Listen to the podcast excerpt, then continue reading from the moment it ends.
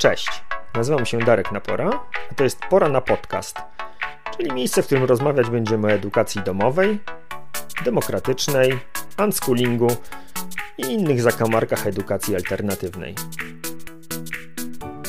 W szóstym odcinku Pora na podcast zapraszam na rozmowę z Moniką Stankiewicz. Porozmawiamy m.in. o tym, jak radzić sobie z poczuciem braku kontroli, jak zorganizować edukację domową z trójką dzieci oraz spróbujemy odpowiedzieć na pytanie, czy edukacja domowa jest dobrym rozwiązaniem dla osób, które nie lubią bawić się samochodzikami na dywanie, prowadzą bogate życie zawodowe i towarzyskie, czyli dla osób, dla których edukacja domowa nie jest stylem życia. Zapraszam.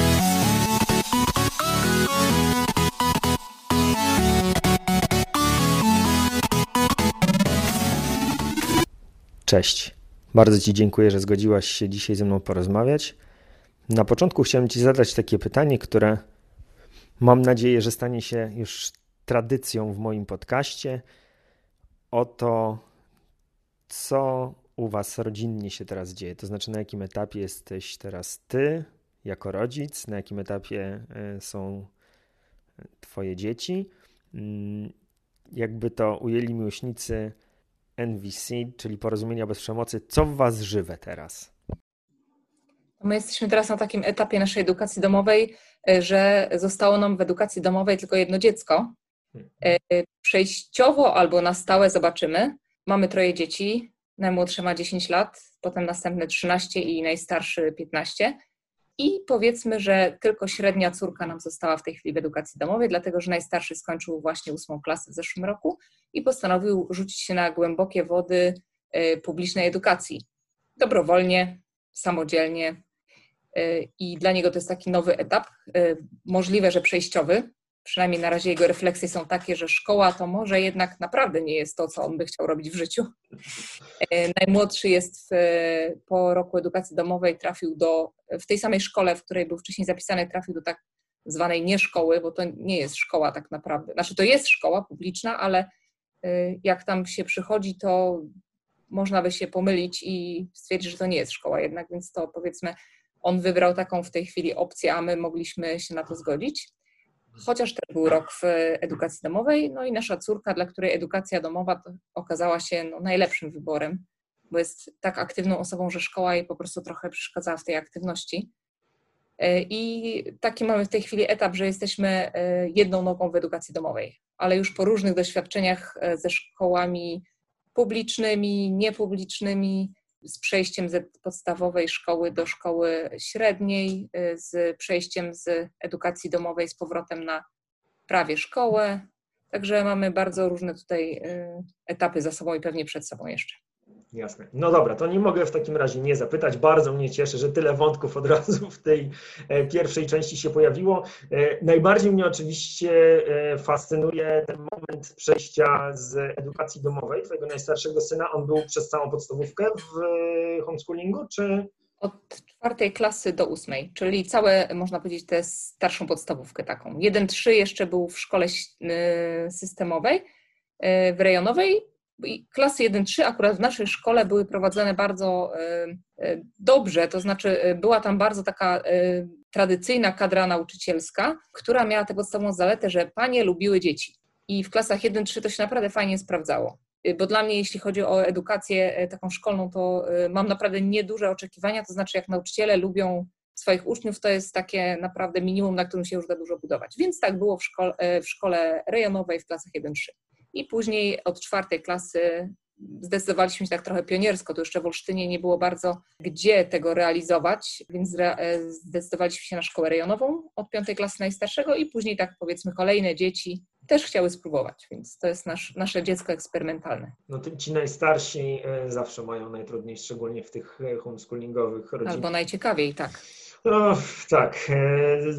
Bycie królikiem doświadczalnym to tak, jest na pewno ciekawe doświadczenie, ale zapewniam, że, e, że trudne.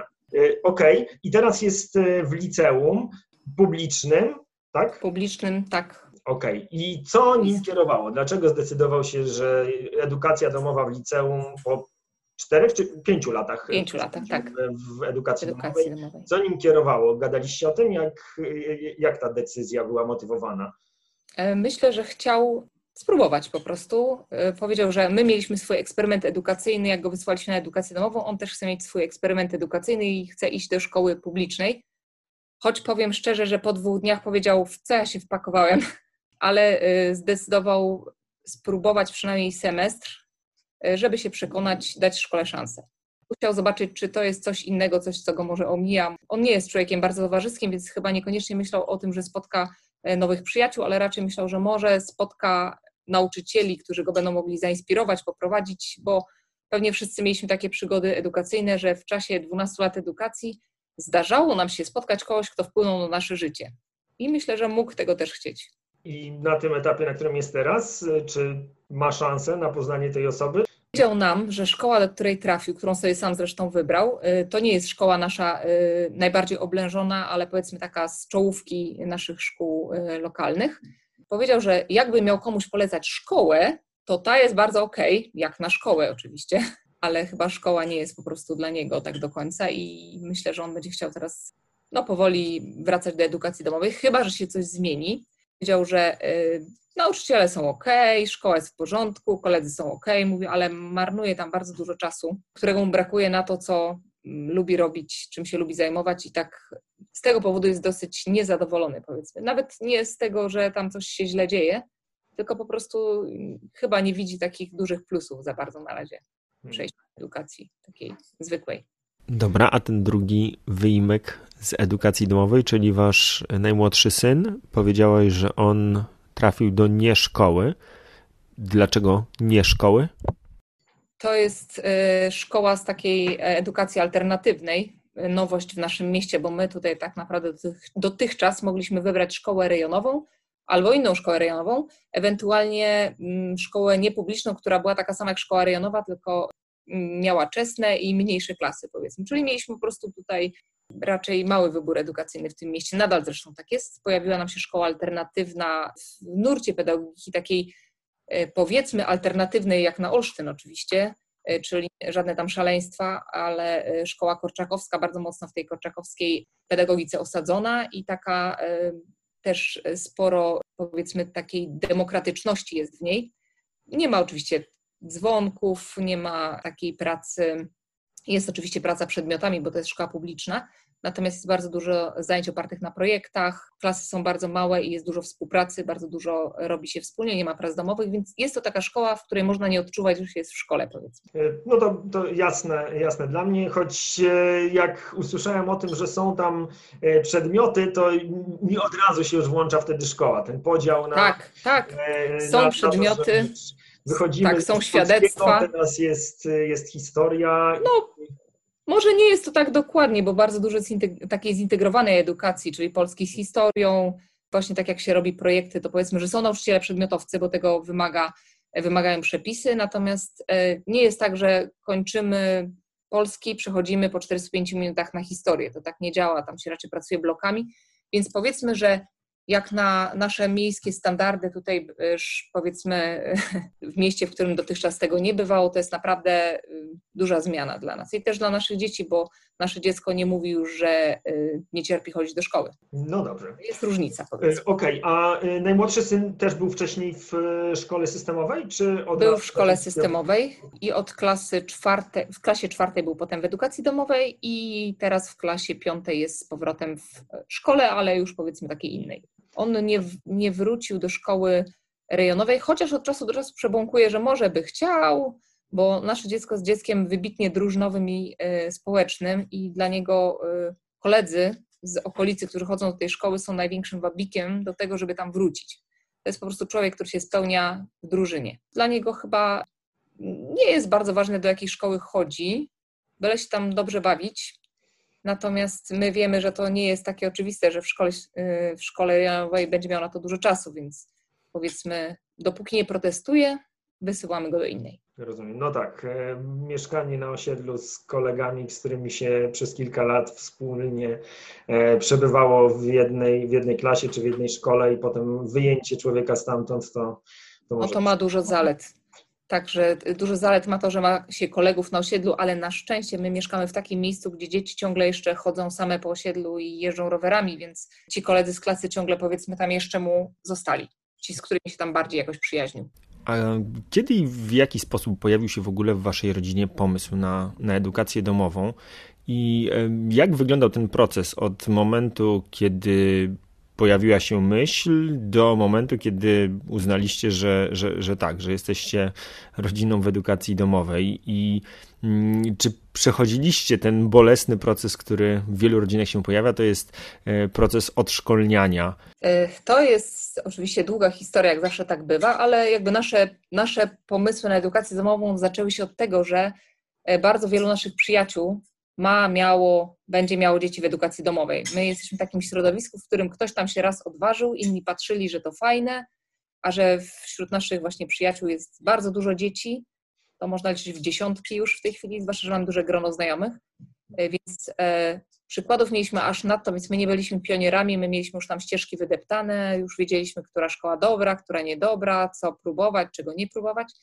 Więc my tak naprawdę mieliśmy ułatwiony start, ale nasze e, pomysły w ogóle na edukację domową wzięły się nie tylko z ciekawości, ale też z tego, że nasze najstarsze dziecko, które nazwałam eksperymentalnym, okazało się, że nie pasuje do szkoły zupełnie. To jest po prostu człowiek wybitnie nieszkolny, e, więc jak zaczął chodzić do szkoły, to po dwóch tygodniach entuzjazmu zaczęło się narzekanie, że szkoła jest do niczego. No ale oczywiście wiele dzieci tak narzeka, pewnie byśmy się tym zbytnio nie przejęli, gdyby nie fakt, że no, zaczęły się różne kłopoty w szkole.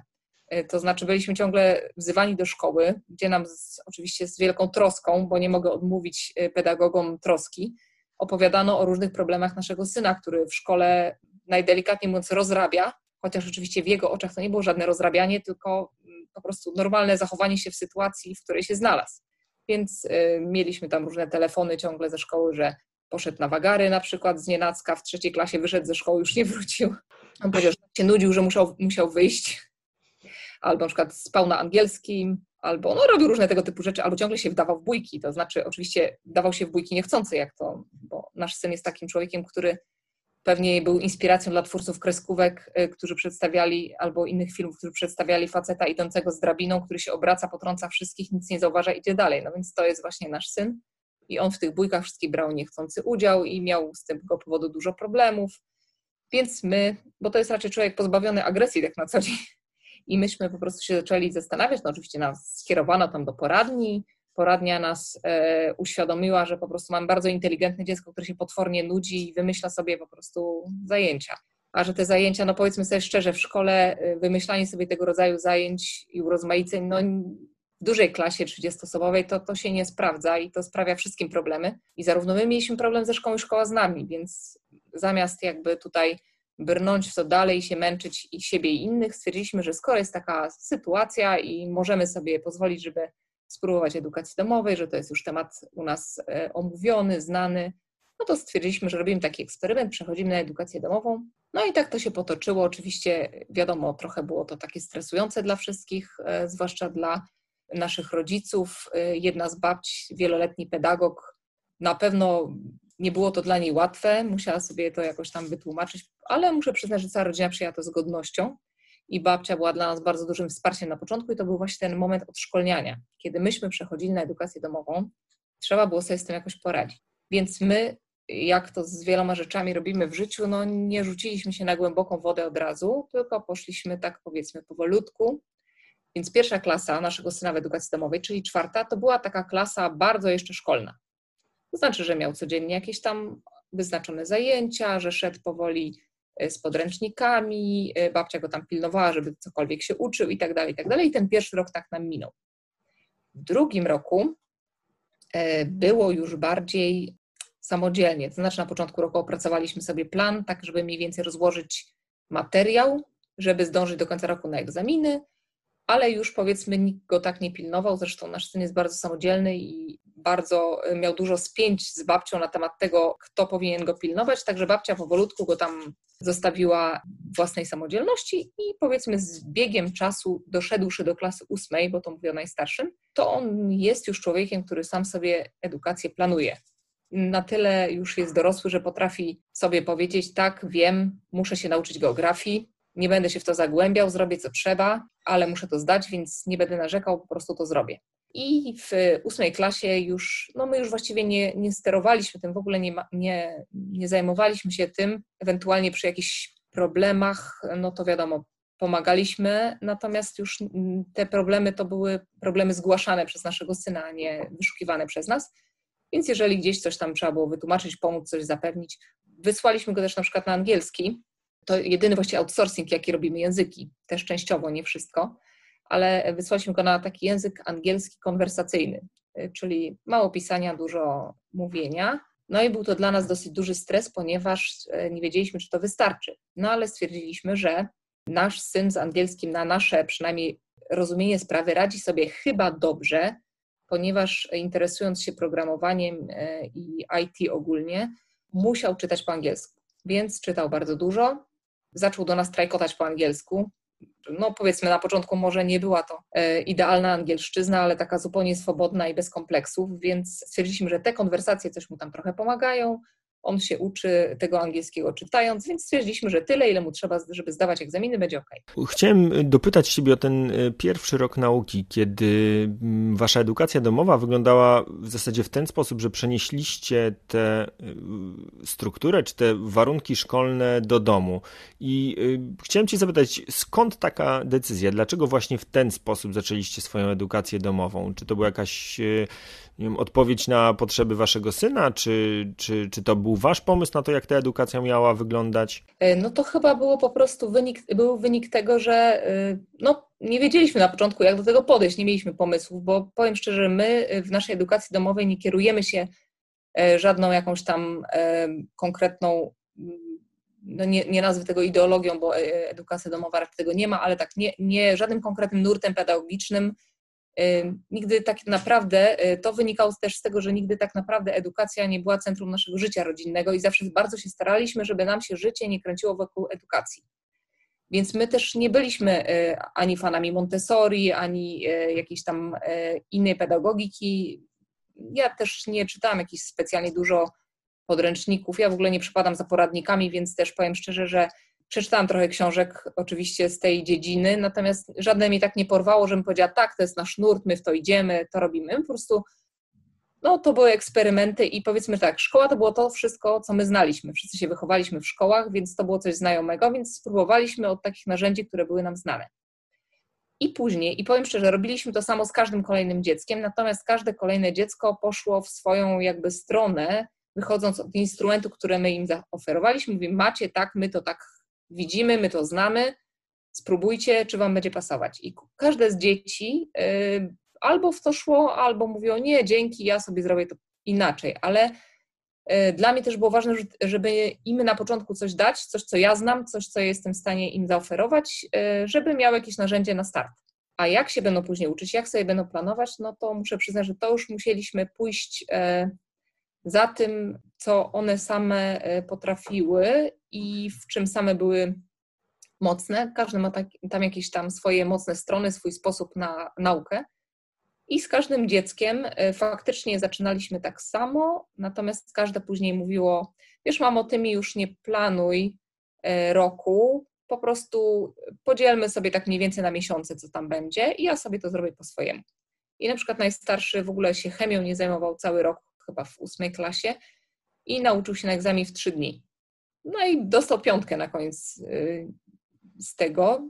Chemia go zbytnio nie interesowała nigdy i pewnie gdyby chciał zgłębiać, to by zajęło mu to więcej czasu, ale w trzy dni sobie to przyswoił. Po prostu wcześniej stwierdził, że nie ma sensu się tym zajmować.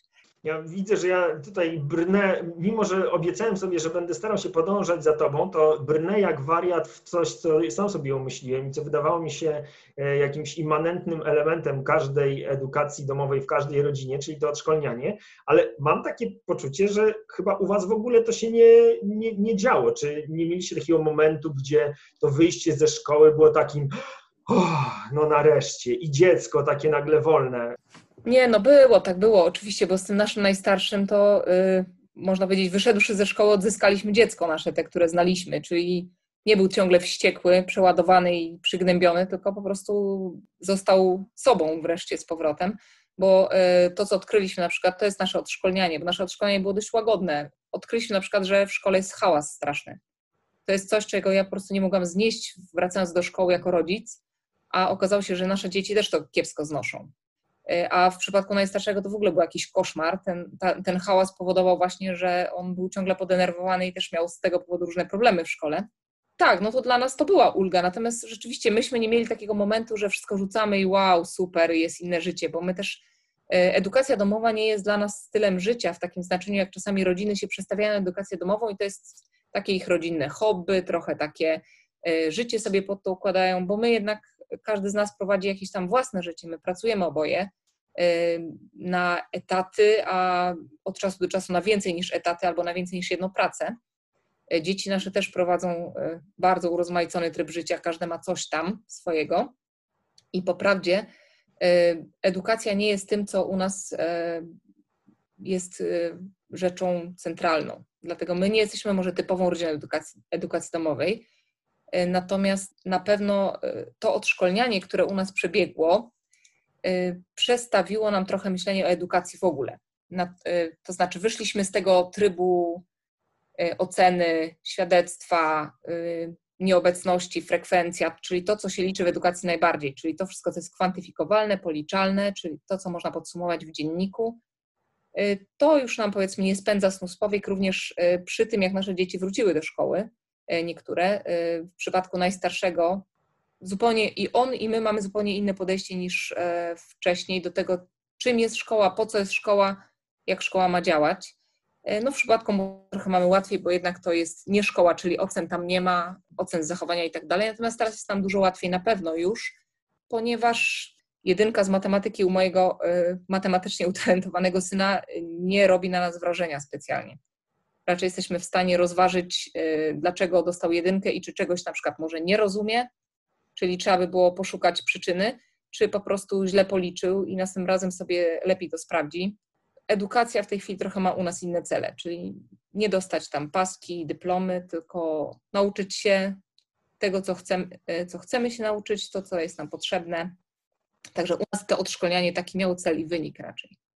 Pozwól, że teraz odegram rolę adwokata diabła, bo powiedziałaś, że jest wam wszystko jedno, jakie dzieci przynoszą stopnie.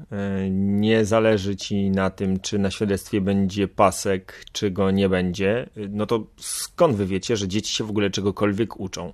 To spędza sens powiek najbardziej mnie oczywiście nieustannie, ale no już po tym takim właśnie odszkolnianiu, które u nas może nie było szczególnie uświadomionym procesem, e, no ja już jestem w stanie sobie e, odpuścić ten taki stres raz, a dwa też takie sprawdzanie ciągłe, bo po tych kilku latach to będzie szósty w tej chwili rok dla nas e, i tych egzaminach kolejnych zdawanych również w tym zewnętrznych, czyli egzaminach ósmych klas, no ja już wiem, że te dzieci się uczą po prostu, tak czy inaczej, no jakby nie mieliśmy, tego, nie mieliśmy nigdy problemów ze zdaniem egzaminów, Oczywiście zdarzały się tam lata, w których e, nasz najstarszy zdał naprawdę kiepsko z czegoś tam jednego czy drugiego i był sam tym faktem zdruzgotany, po czym w następnym roku zabierał się za to, co mu poszło gorzej, bo wiedział już, gdzie ma słaby punkt, a chciałby mieć lepiej w tym powiedzmy punkcie.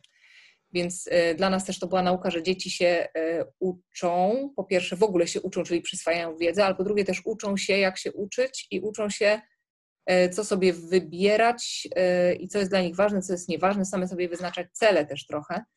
Więc powiedzmy, że ja pewnie przed maturą będę miała znowu stres, ale no dotychczas się jakby nie zawiedliśmy też na, e, na razie na tym, co nasze dzieci robią tam same sobie.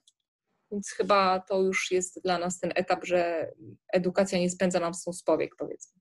Bo nawet jak tam szkoły zamkną wszystkie, to y, proces edukacyjny, jakby ta samodzielność edukacyjna, którą dzieci sobie nabrały, to już będzie działać po prostu. I dla mnie to jest w ogóle najważniejsza rzecz w edukacji domowej, to, że się człowiek staje samodzielny w swojej edukacji, że potrafi sobie wyznaczać cele i drogi ich osiągnięcia. To jest chyba to jest kluczowa rzecz dla mnie. Dobra, a czy pamiętasz z tego początkowego etapu, kiedy, mm, kiedy jeszcze byliście początkującymi rodzicami w edukacji domowej, e, czy stosowałaś Ty dla siebie jakieś e, strategie, rozwiązania, które Ci pomagały zapanować nad sobą, jak Cię nachodziło, żeby przetestować dzieciaki? Ach, no ja to, mnie to ratował fakt, że ja po prostu miałam mało czasu tak jak mówiłam, my pracujemy oboje i zawsze mieliśmy dużo pracy, a oprócz tego, że pracujemy, to też prowadzimy bogate życie towarzyskie i pozazawodowe, czyli robimy dużo rzeczy też poza pracą i po prostu nie mieliśmy czasu wisieć nad tymi dziećmi. więc one trochę były rzucone na głęboką wodę pod tym względem, że matka nie miała czasu. No, oczywiście robiłam sobie ambitne plany, że będę coś tam sprawdzać po drodze, coś im kazać tam robić, ale oczywiście nie miałam na to czasu, więc y, no, siłą rzeczy to mnie trochę ratowało przed takim stresem. Nie miałam się kiedy tym zająć. To bałaganiarskie życie pomaga w tym. Jasne. E, no dobrze, to opowiedziałaś już o najstarszym synu, jak jego e, motywacje wyglądały. Wiemy już o najmłodszym, że koledzy są jakąś tam barierą i być może będą powodem powrotu do, e, do szkoły systemowej. A jak córka, tak? Jest środkowym dzieckiem. Tak, mamy jedną w domu księżniczkę. Ona jest oczywiście, jak, jak to bywa z trójką dzieci, oczywiście inna niż bracia. Nasza córka z kolei cierpiała z powodu stresu szkolnego. I martwiliśmy się trochę o nią, patrzy tu na mnie właśnie. Pozdrawiamy córkę. Nic nie powiem. Nawet imienia nie znamy. Cierpiała z powodu e, stresów po prostu, no wieczne bóle głowy, żołądka, to jest e, osoba bardzo taka e, pilna, dyscyplinowana i bardzo jej zależy na tym, żeby dobrze wypaść, jeśli chodzi o szkołę przynajmniej i po prostu zawsze była zestresowana tym, czy wypadnie wystarczająco dobrze. Zawsze oczywiście była przygotowana, nauczona, idealna uczennica w szkole, po prostu nauczyciele nie mieli absolutnie żadnych zastrzeżeń, natomiast e, kosztowało to dużo stresu. E, no i trochę nam było tego szkoda, a ona dodatkowo też, zresztą jak młodszy brat, e, zaczęła szkołę muzyczną, a wiadomo, że popołudniowa szkoła muzyczna to jest druga szkoła, więc czasu brakowało bardzo, zwłaszcza brakowało czasu na ćwiczenia na instrumentach. W szkole muzycznej, no bez tego się nie da, więc żeby y, mieć też więcej czasu na to, co lubi robić, bo lubi grać, przyjrzawszy się temu, jak brat funkcjonuje, zdecydowała, że też chciałaby spróbować. I zaczęła od, ona akurat od piątej klasy, bo chłopaki zaczęli od czwartej każdy, edukację domową i na razie nie zamierza, broń Boże, wracać do szkoły, bo się w tym wszystkim chyba odnalazła. Oczywiście egzaminy też kosztują ją stres, to jest to jest ta osoba, która się będzie tym chyba zawsze trochę stresować, natomiast zupełnie inaczej jest wtedy, kiedy sama sobie planuje e, pracę, planuje sobie dzień, e, ma też czas właśnie pograć teraz już swobodnie, może sobie ustawiać zajęcia w szkole muzycznej tak, żeby nie kończyć o 20. Dla niej to jest takie wyjście, też ona jest bardzo zaangażowaną harcerką i to też jej zajmuje sporo czasu, więc edukacja domowa jest dla niej takim sposobem na ogarnięcie swoich wszystkich zadań, żeby jej za bardzo szkoła w tym, z tym nie kolidowała. Zresztą myśmy mieli problem z tym taki, że nie wiem, czy mieliście się okazję z tym spotkać, ale w szkole e, naszej rejonowej generalnie panowało przekonanie, że szkoła jest najważniejsza, a wszystkie inne rzeczy należy pod nią dostosować. Ja to nawet rozumiem, ale powiem szczerze, że zdarzyło mi się kiedyś nawet powiedzieć pani dyrektor, którą prosiłam o przestawienie jakieś tam przeniesienie naszej córeczki do jakiejś innej grupy, ponieważ jej to kolidowało z zajęciami w szkole muzycznej, nie dało się tego przenieść, próbowaliśmy w szkole muzycznej, tam się nie udało, więc poprosiłam o przeniesienie, ale pani powiedziała mi, że no wie pani, y, wszystkie zajęcia y, trzeba sobie jednak dostosować pod szkołę, bo szkoła jest najważniejsza.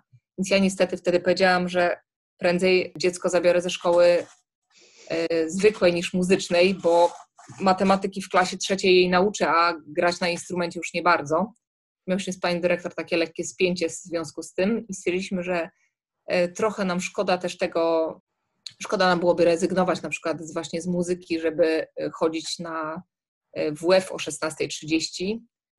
Broń Boże, nic jakby do WF-u nie mamy, no ale taka odrobina elastyczności była nam potrzebna, a to tego szkoła nam nie mogła zapewnić, więc nasze średnie dziecko miało taką inną trochę historię. Czyli ty jesteś tą roszczeniową muśką po prostu. No wtedy akurat raz byłam, ja generalnie jestem raczej pokojowo nastawiona i nie lubię sytuacji konfliktowych i unikam jak mogę, no ale czasami się po prostu nie da. Staram się unikać takich uproszczeń, generalizacji i um, takiego stereotypowego podchodzenia do płci, ale to jest już któraś historia, która wpisuje się w taki trend motywacji, które stoją za tym, jak e, rodzice podejmują decyzję o odejściu ze szkoły w przypadku chłopaków i w przypadku dziewczyn. I bardzo podobnie ta sytuacja też wyglądała w naszej rodzinie, w, w przypadku Marysi, która już, już w przedszkolu zdradzała takie, takie objawy. Nasz syn był tym szukającym wszędzie dodatkowych bodźców i rozwalającym wszystko e, łobuzem, i, i to, była, to była nasza motywacja do, e, do odejścia ze szkoły. Natomiast w przypadku Marii, no to było coś, co było takimi zalążkiem e, chorobliwego konformizmu, takiego, takich prób dopasowania się do tego, czego oczekiwali od niej e, dorośli. I ona żeby zdobyć tą akceptację e, ze strony, ze strony dorosłych, ze strony nauczycielek, była gotowa odrzucić wszystkie rzeczy, które były dla niej ważne. Zwłaszcza, że w domu nie są tak wychowywane, prawda? Nawet tak, nie wiem jak to działa, ale rzeczywiście tak to, to jest chyba dosyć częste mimo że próbujesz jako rodzic robić zupełnie inaczej, ale coś w tym jest, tak. I było to dla nas mega trudne, że, że nasza córka już na, na etapie przedszkola zaczyna być, wiesz, prowadzana w schemat grzecznej, posłusznej dziewczynki, która robi, robi to, co się jej każe. Tym bardziej, że wiemy bardzo dobrze, że ona w normalnych warunkach, kiedy ma w tym zakresie dowolność zupełnie taka nie jest. I, no i to było dla nas, muszę powiedzieć, bardzo, bardzo trudne doświadczenie i, e, i też taki jednoznaczny sygnał, że, że nie chcemy, żeby ona w takim środowisku funkcjonowała, bo wydaje mi się, że to nie jest nawet e, jakiś zabieg stosowany przez nauczycieli, tylko instytucja jakoś tak podskórnie generuje tego typu właśnie zachowania, gdzie dzieciaki płci męskiej zyskują uwagę dorosłych w momencie, kiedy e, się zachowują niegrzecznie, w cudzysłowie, e, natomiast dziewczynki zyskują uwagę dorosłych, kiedy są grzeczne, potulne. To też nie musi być e, jakby tak do końca widoczne na zewnątrz, ponieważ z tego co pamiętam w szkole, nasza czórka raczej należała do tej takiej grupy inicjatywnej, liderskiej, to ona ze swoimi koleżankami broniła kogoś, kto tam w, w klasie podpadł chłopakom i tak dalej, bo korzystając z faktu, że w tym wieku dziewczyny są większe od chłopaków, więc e, to jakby też nie miało takich zewnętrznych efektów, koniecznie można było to poznać w szkole, natomiast to się wewnątrz odbijało po prostu na tym stresie takim i tak fizycznie te bóle głowy czy żołądka to e, był taki stres jakby zinternalizowany, somatyczny, potem dający objawy, czyli to nie zawsze jest tak, że że na zewnątrz jest się potulnym i grzecznym, bo można być przewodniczącym klasy i wszystkim rządzić, ale ten stres po prostu, ta chęć takiego bycia najlepszym naprawdę jest gdzieś tam wewnątrz odczuwana. To jest zawsze złożony problem. Myślę, że z tym to będzie trudno walczyć, to już jest coś e, w tym wieku, jak się ma 13 lat, to już człowiek sam sobie e, musi te sprawy przemyśleć i rodzice już tyle mogą pomóc tak naprawdę na tym etapie. Kolejne pytanie, które e, Zaplanowałem już sobie przed naszym spotkaniem, wiedząc, że masz e, trójkę dzieci. Jednym z największych e, wyzwań w edukacji domowej, szczególnie przed rozpoczęciem tej edukacji domowej, e, jest dylemat tego, kurczę, trójka dzieci w różnym wieku, każde chce czegoś innego, każde ma się uczyć czegoś innego. Jak to logistycznie połączyć? Przecież to się w ogóle nie da. No, ty jesteś jedna, jeszcze praca na pełen etat. Twój mąż również pracuje rozumiem, że przynajmniej te 8 godzin dziennie. Jak to połączyć wszystko logistycznie? No powiem szczerze, że ja do dzisiaj nie wiem. I jakby mnie ktoś o rady pytał, to powiem szczerze, nie umiem nic na to poradzić, dlatego że chyba jedyną szansą jest, żeby to jakoś połączyć, to jest po prostu się tym zbytnio nie przejmować. E, dlatego że rzeczywiście każde dziecko uczy się w inny sposób, czego innego w innym momencie. E, nie da się nad tym zapanować. To w ogóle się trzeba z tym pożegnać, że będziemy mieć wszystko pod kontrolą i pozbierane i zaplanowane. Nie, w ogóle nie ma szansy na to. E, ja jestem w tej dobrej sytuacji, że moje dzieci zaczynały edukację, jak już były starsze. Czyli to nie była edukacja maluchów, z którymi trzeba faktycznie pracować. No, od czasu do czasu trzeba coś zrobić, po prostu i no, choćby nauczyć je czytać, co dla mnie wydaje się największym wyzwaniem. Cieszę się, że za mnie to zrobiła szkoła wcześniej, bądź w przypadku chyba większości naszych dzieci same się kiedyś tam nauczyły czytać, nie wiem kiedy. Więc ja się że na nie Dziękuję, że to powiedziałaś, bo ja absolutnie nie uważam, że szkoła musi nauczyć dzieci czytać. Mój syn nauczył się czytać sam, córka jeszcze nie umie czytać, ma, ma 6 lat, ale myślę, że jest na, na dobrej drodze. Za to już całkiem nieźle pisze, co ciekawe, czyli zupełnie na opak, nie po kolei i nie tak jak w szkole, bo najpierw się trzeba nauczyć czytać, a potem pisać. No tak, ale muszę tu oddać sprawiedliwość szkole, że jedno moje najmłodsze dziecko zostało nauczone czytać w szkole, rzeczywiście. Chyba możliwe, że dlatego, że doszedłszy do e, szkoły jeszcze nie umiało czytać, więc zapewne to był ten moment, kiedy trzeba się było nauczyć. Natomiast e, rzeczywiście nasze tam starsze dzieci się nauczyły jakoś same gdzieś tam w międzyczasie, więc e, myślę, że to jest możliwe, ale ja się cieszę, że nie ja musiałam to robić, nie musiałam siedzieć nad literkami, bo nigdy nie byłam matką, która y, lubi się bawić samochodzikami na dywanie albo pisać literki z dziećmi. Cieszę się, że mnie to ominęło, natomiast już pracując z dziećmi starszymi, tak naprawdę mnie zostało planowanie głównie, więc zaplanowawszy sobie wszystko mniej więcej na początku roku, czyli co do kiedy trzeba zrobić, żeby zdążyć, to ja już nie musiałam za dużo koordynować. Czasami któreś dziecko mi mówiło, mamo, ja chyba nie zdążę biologii zrobić przed egzaminem. No to wtedy siadaliśmy, patrzyliśmy, co jeszcze trzeba zrobić, czy coś jeszcze się trzeba douczyć, może Y, coś wyrzucić z tego planu, coś skrócić, ale to były raczej takie y, zajęcia, więc ja, mnie na szczęście te skomplikowane koordynacje ominęły. Powiem szczerze, że nie wiem, czy bym sobie poradziła z trójką dzieci na przykład w klasach 1-3, kiedy każdemu trzeba coś tam jednak, jakąś podstawową umiejętność zapewnić. Nie wiem, tego, bym, tego nie próbowałam, więc nie wiem. Może, może by się jakoś udało, ale rzeczywiście ja już mogłam liczyć na samodzielność dzieci przede wszystkim. Mhm. Dobra, a mogłabyś powiedzieć tak fizycznie czy logistycznie, jak, jak to planowanie roku wygląda? Nie wiem, otwieracie sobie tabelkę w Excelu, czy, czy robicie jakąś karteczkę do każdego przedmiotu? W jaki sposób to planowanie e, nauki wygląda? W zeszłym roku już, czyli w e, piątym roku naszej edukacji domowej, to powiem szczerze, nie robiliśmy nic na piśmie, bo każdy już e, umiał sobie mniej więcej sam zaplanować, co by chciał zrobić. Z najmłodszym zaplanowałam uczenie się historii mniej więcej, czyli zaplanowałam, że robimy jeden temat z podstawy programowej w tygodniu. Czyli sobie coś tam poczytaliśmy, obejrzeliśmy, poopowiadaliśmy. Ja akurat się interesuję historią, więc to były takie przyjemne chwile na pogadanie sobie z dzieckiem o historii.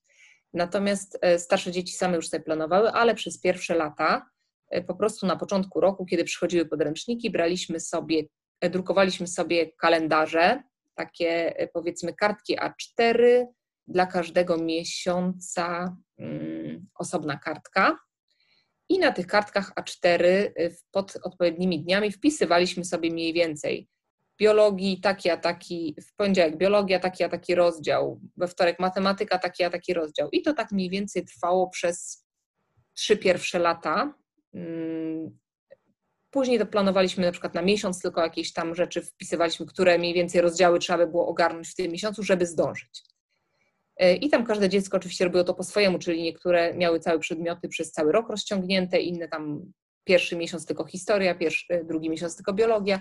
E, tak robiliśmy na początku, rozpisywaliśmy sobie rzeczywiście, oczywiście to tam nie zawsze tak działało, trzeba było potem przesuwać, przenosić, czasami tu się okazało, że już kończymy w styczniu, a miało być do marca, albo tu już kwiecień, a tu jeszcze nic nie zaczęto. Oczywiście, że tak było, Natomiast takie rozplanowanie z grubsza pozwalało nam też ogarnąć tak myślowo, ile tego jest, co trzeba zrobić, e, co możemy sobie odpuścić, które e, rozdziały nas w ogóle nie interesują, bo nie ma ich w podstawie, a e, akurat delikwent się nie interesuje tym tematem na tyle, żeby to zgłębiać.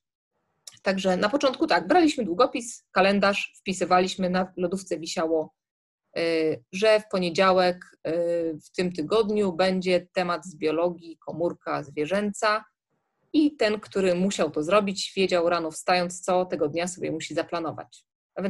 Ewentualnie jak był chory, albo zaspał, albo zapomniał, to musiał to zrobić następnego dnia, ale też dzieciom dawało to takie poczucie, że jakoś tam panują nad tym i są w stanie to ogarnąć do, tema- do momentu, w którym będą zdawać egzamin. Natomiast Oczywiście to było takie elastyczne i też e, z kolejnymi latami coraz mniej było to dokładne planowanie.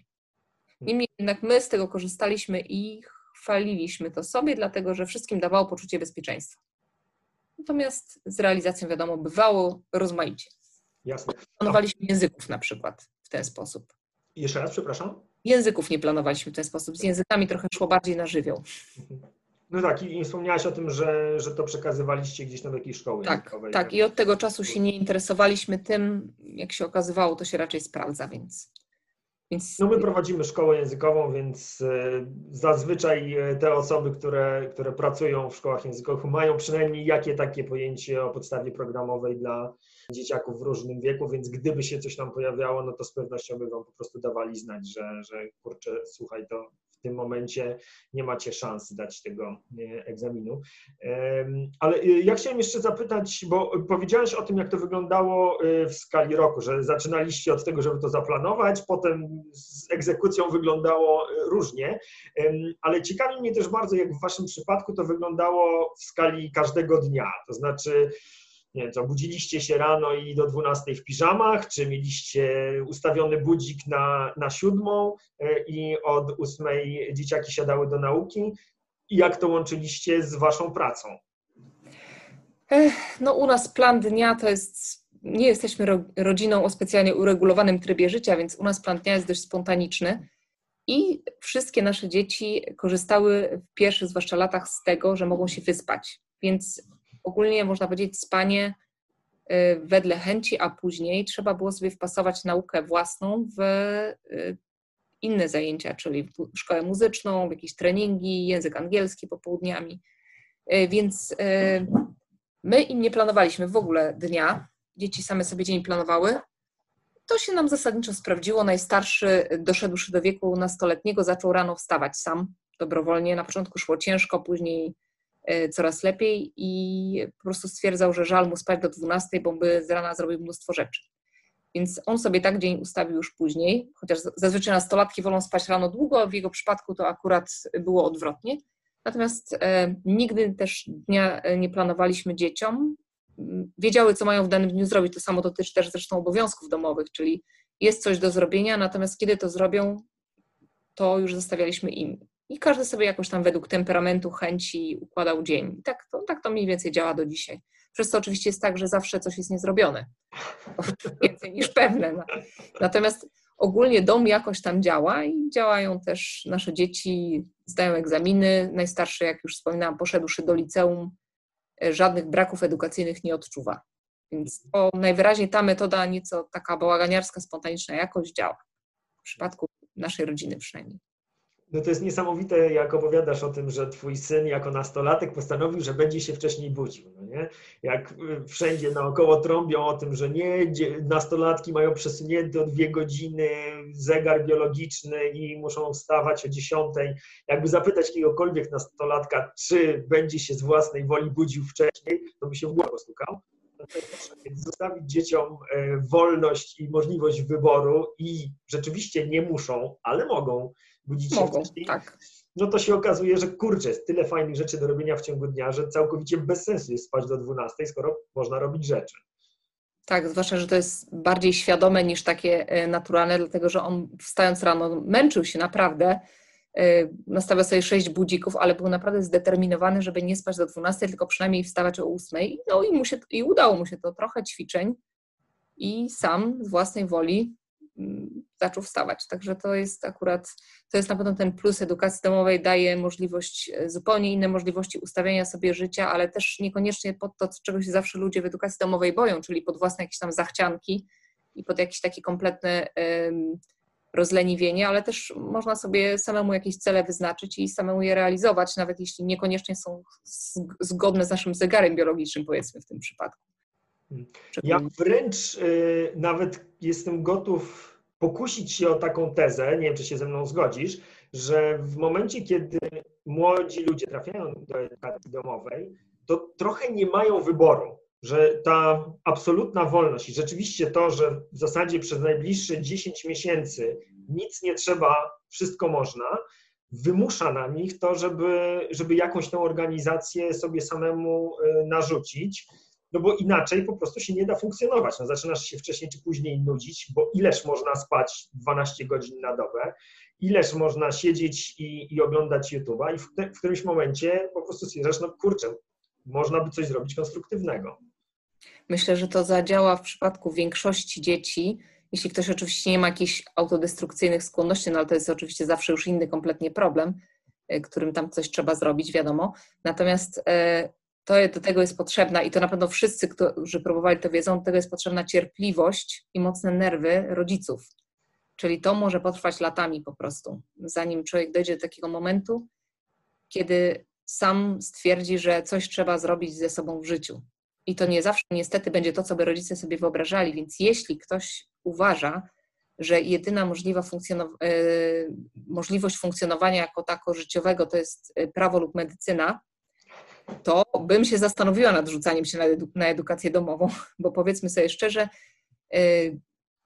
nie jest, ja nie, nie wykluczam, bo wiem, bo znam takie przypadki, że są i lekarze, i prawnicy po edukacji domowej, ale jeżeli ktoś widzi tak karierę e, swojego dziecka, że najpierw e, dobra podstawówka, później najlepsze liceum w mieście, później prestiżowe studia na najlepszej uczelni, to będzie go kosztowało mnóstwo nerwów przejście tego z dzieckiem w edukacji domowej. Te dziecko, jak będzie chciało, to na pewno to osiągnie, jeśli to będzie też jego plan, ale rodzic może po drodze parę razy zejść na zawał, naprawdę to jest dla ludzi o mocnych nerwach wtedy. W poprzednim odcinku rozmawiałem z Konstantynem Achyńskim, który skończył liceum w edukacji domowej i on y, wspominał, że w jego ocenie szkoła to jest y, absolutna strata czasu i na dodatek takie niepotrzebne rozdmuchiwanie tej, tej części egzaminacyjnej, czy, czy tej części testowej szkoły.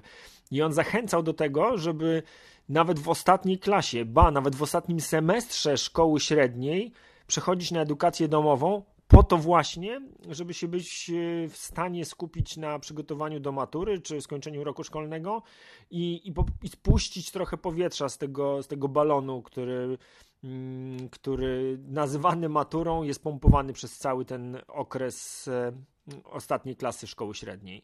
Myślę, że, że e, mogłabym się z tym zgodzić. Jest jedna tylko kwestia, która mnie się wydaje, że może być tutaj problemem, czyli człowiek doszedłszy do liceum, może nie być w tym momencie gotowy, żeby robić wszystko samodzielnie, bo jednak, tak jak wspominam swoją edukację, to jednak zawsze mm, uczeń jest prowadzony za rękę od punktu do punktu, od kamienia milowego do kamienia milowego i trzeba być naprawdę takim e, już bardzo świadomym, dojrzałym człowiekiem, żeby e, umieć sobie wtedy edukację poprowadzić samemu, jeśli się 12 lat spędziło w e, szkołach, które nie, nas do samodzielności na pewno nie przyzwyczajają, chyba że się miało wyjątkowe szczęście i było się w jakimś takim środowisku, które na to pozwalało. Dlatego podziwiam naprawdę ludzi, którzy w liceum dopiero zaczynają edukację domową. To trzeba mieć naprawdę już dużo takiego, takiej pewności siebie i też takiej samodzielności, która chyba nie pochodzi ze szkoły. Tak, albo naprawdę bardzo traumatyczne doświadczenia. Tak, ale wydaje mi się, że wtedy też już człowiek jest tak zdeterminowany, że jest naprawdę gotów na bardzo wiele zmian w swoim życiu i myślę, że to też jest taki moment, kiedy można to spróbować zrobić rzeczywiście. Chociaż ja zawsze jestem zwolenniczką przechodzenia na edukację domową raczej dla jej plusów niż z powodu minusów szkoły, bo wtedy jest to znacznie przyjemniejsze. No cóż, fakty są takie, że niestety wiele decyzji o przejściu do edukacji domowej jest dyktowanych y, tym, że dzieciaki były po prostu w szkole potwornie poobijane i, i była to głównie decyzja o odejściu ze szkoły, a po prostu z braku lepszych rozwiązań padało na edukację domową.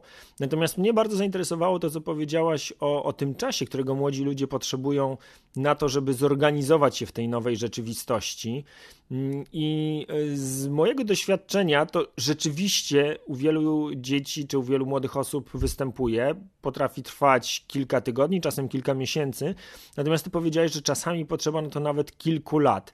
I czy znasz takie historie, gdzie ten poszkolny detoks trwał tak długo, kilka lat? Wydaje mi się, że yy, na przykład w naszym przypadku to odszkolnianie nie trwało na pewno tak długo, natomiast e, tyle moim zdaniem może potrwać poszukiwanie e, swojego sposobu na edukację własnego u każdego dziecka. To znaczy, dziesięciolatek może jeszcze nie mieć świadomości, jak to powinien robić, tak żeby to było dla niego optymalne.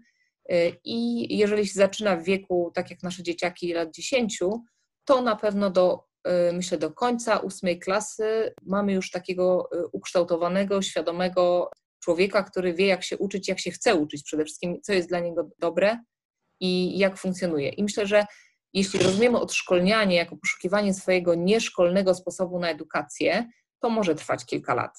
Mhm. Y, jeśli chodzi o taki detoks i wyjście z takich szkolnych kolejn, z tego kołowrotka, w którym się tak e, można w szkole e, zakręcić, czyli od oceny do oceny, od klasówki do klasówki. Trzy razy poprawiamy każdą klasówkę, żeby mieć potem na koniec e, szóstkę poprawioną z piątki. to myślę, że to można zrobić w kilka miesięcy, żeby sobie uświadomić, że to jest faktycznie bez sensu, szkoda było na to czasu. Natomiast to, o czym, co jest dla mnie najważniejsze w edukacji domowej, czyli dojście do tej samodzielności w uczeniu się, którą większość ludzi tak naprawdę zyskuje dopiero na studiach albo i nie, to zajmuje na pewno kilka lat. To jest, zwłaszcza, że y, to też jest taki okres, kiedy dzieci y, dorastają y, i wiele rzeczy muszą sobie w życiu same przemyśleć, ustawić i między innymi edukacja w to wchodzi, a edukacja domowa moim zdaniem bardzo w tym pomaga. No dobrze, to wymalowaliśmy już tęczowo-różowy obrazek edukacji domowej, a powiedz mi, czy są jakieś ciemne zakamarki tej edukacji domowej, jakie po prostu negatywne są? No negatywne to są na pewno te, że jednak to zajmuje trochę czasu. To znaczy, jakby samo to, sama edukacja niekoniecznie, natomiast no to zajmuje głowę, zajmuje y, czas myślenie o edukacji, poszukiwania różnych materiałów, źródeł, trzeba w tym, zwłaszcza na początku, dzieciom pomagać. To jest coś, co zajmuje czas i zawsze jest go za mało. I pracujący rodzic zawsze ma wrażenie, że nie wkłada w to tyle, ile powinien. Jakby posłał dzieci do szkoły, to ktoś by się tym profesjonalnie zajął. Więc to jest stresujące. I to chyba każdy, kto na edukacji domowej próbował e, być, to wie o tym. E, no i to, to też mówię o stresie dla rodziców. Stresujące jest to, że no jednak bierzemy sobie na głowę to, za co e, odpowiada instytucja normalnie, czyli cokolwiek nie wyjdzie, będziemy z tego rozliczani i ta świadomość zawsze jest taka, że jeśli dziecko nie zda do następnej klasy, będzie miało trójkę z matematyki zamiast piątki, będziemy z tego rozliczani, nie zawsze wprost, bo nie, nie zawsze też, nie każdemu się y, ludzie ośmielą to powiedzieć, ale no taka prawda, tylko ja za to odpowiadam i muszę, muszę się z tym liczyć. To jest dla mnie stresujące. Ta, no ta odpowiedzialność po prostu. Myślę, że ktoś, kto nie próbował, nie będzie sobie zdawał sprawy, jakie y, to jest obciążenie psychiczne. Tak naprawdę y, przejąć to, co robią instytucje za nas od dziesiątków lat tak naprawdę, bo nikt z nas nie zna nikogo prawdopodobnie, kto edukację domową skończył i było ok. Wszyscy chodziliśmy do szkół, nasi rodzice chodzili do szkół, w większości przypadków nasi dziadkowie chodzili do szkół. To jest coś, co wszyscy robią. Y, za naukę odpowiedzialna jest szkoła. A kiedy bierzemy to na siebie sami, jest to obciążenie i myślę, że wiele osób to odczuwa. To jest dla mnie najtrudniejsza chyba rzecz. Jeśli chodzi o moje dzieci, trudno mi na razie powiedzieć, czy są jakieś złe strony edukacji domowej, bo na razie jeszcze to jest chyba za wcześnie trochę, żeby, o tym, żeby nad tym myśleć. Natomiast y, na co dzień to nie jest specjalnie stresujące, poza tym jak się pomyśli o tej dalszej perspektywie. Dla mnie te e, raz, że brak czasu i ciągła świadomość, że się go za mało poświęca oraz ta, e, takie poczucie odpowiedzialności, to są naj, najczarniejsze strony edukacji domowej. E, staram się nie, nie w tych rozmowach nie wrzucać za dużo swojej perspektywy, natomiast to, o czym powiedziałaś, we mnie oczywiście też odpala takie trudne, trudne zakamarki. Natomiast ja radzę sobie z tą odpowiedzialnością za, za cały proces w ten sposób, że myślę zawsze o tym, że YouTube powstał w 2006 roku i technologia i rozwój e, technologii, tego jakie umiejętności będą potrzebne w przyszłości, nie zwalnia, tylko wręcz przyspiesza. I, i, i próby przygotowania dzieciaków do tego, jakie, ich, jakie umiejętności będą im potrzebne za 10 czy 15 lat, naprawdę no byłoby po prostu delikatnie mówiąc nieodpowiedzialne, gdybym twierdził, że wiem, co będzie im potrzebne, jak, jak oni skończą, skończą szkołę i zaczną zarabiać pieniądze, tworzyć swoje własne rodziny. I to, no też tak, sobie mówię, tak. też tak sobie mówię, ale nie powiem, że to zawsze pomaga. No, dla mnie to jest bardzo kojące, aczkolwiek my jesteśmy jeszcze w bardziej radykalnym układzie, bo, bo nasze, nasze dzieci przynajmniej na tę chwilę są w takim mocno unschoolingowym e, trybie e, chowane i, i uczą się w zasadzie E, tylko tego, co uznają za przydatne dla nich, więc, więc tej wolności dostają jeszcze więcej, także nawet podstawa programowa ich nie ogranicza. Jak sześcioletnia córka uzna, że się nie chce uczyć czytać, no to skończy pierwszą klasę nie umiejąc czytać. To dopiero... Ale to ciągle jest jeszcze zgodne z podstawą programową. Na szczęście.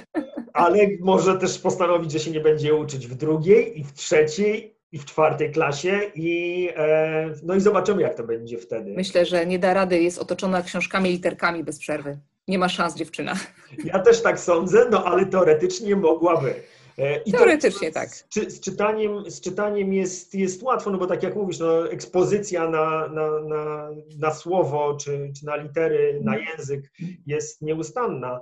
Natomiast e, jest dużo takich elementów w podstawie programowej, które się nie pojawiają na, na co dzień i, i oczywiście w tych klasach młodszych, no to to jest kwestia dosłownie kilku, kilku godzin, e, żeby przygotować się do tego przeklętego egzaminu ewentualnego.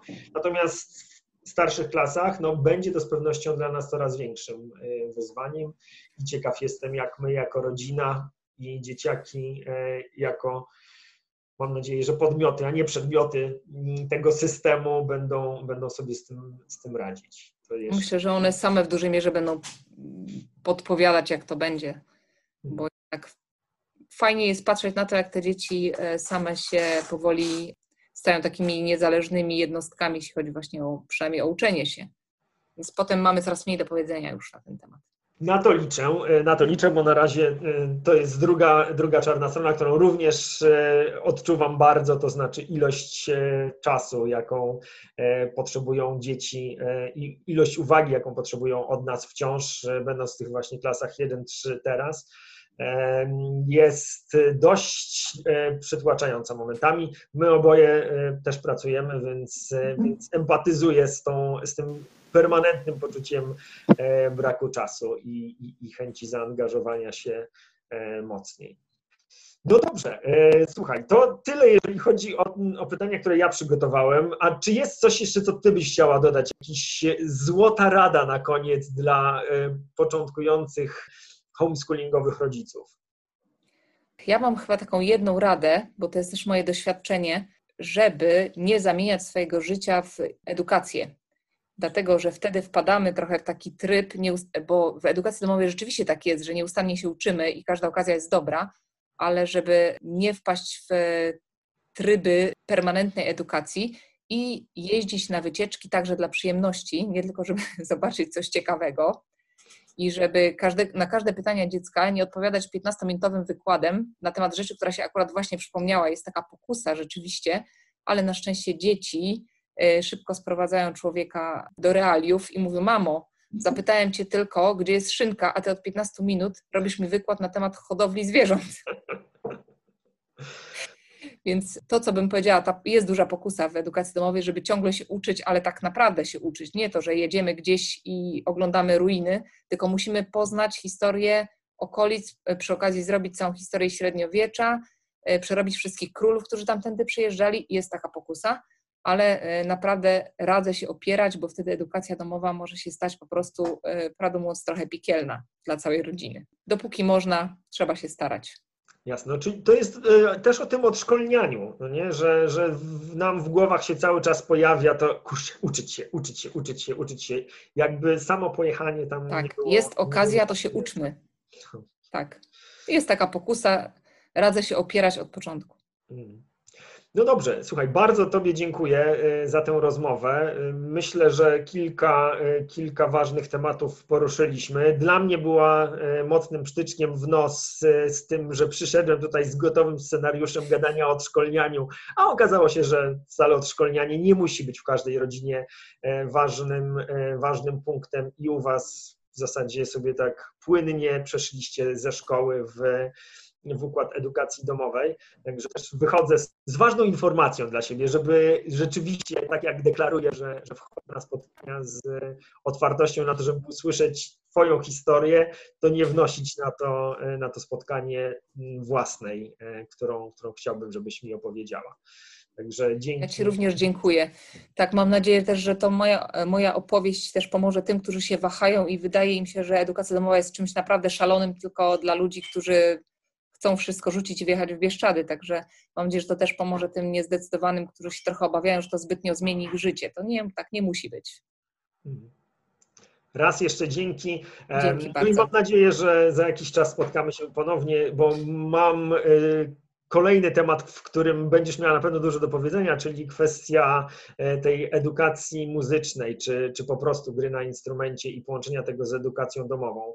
Rozmawiałem Jasne. już z dziewczyną, która jest zawodniczką i, i trenuje tenis i ona właśnie zdecydowała się na edukację domową z tego powodu, a, a Ciebie będę, będę chciał przepytać na okazję e, edukacji muzycznej. Super, zapraszam w takim razie, chętnie porozmawiam drugi raz. No dobra, dzięki.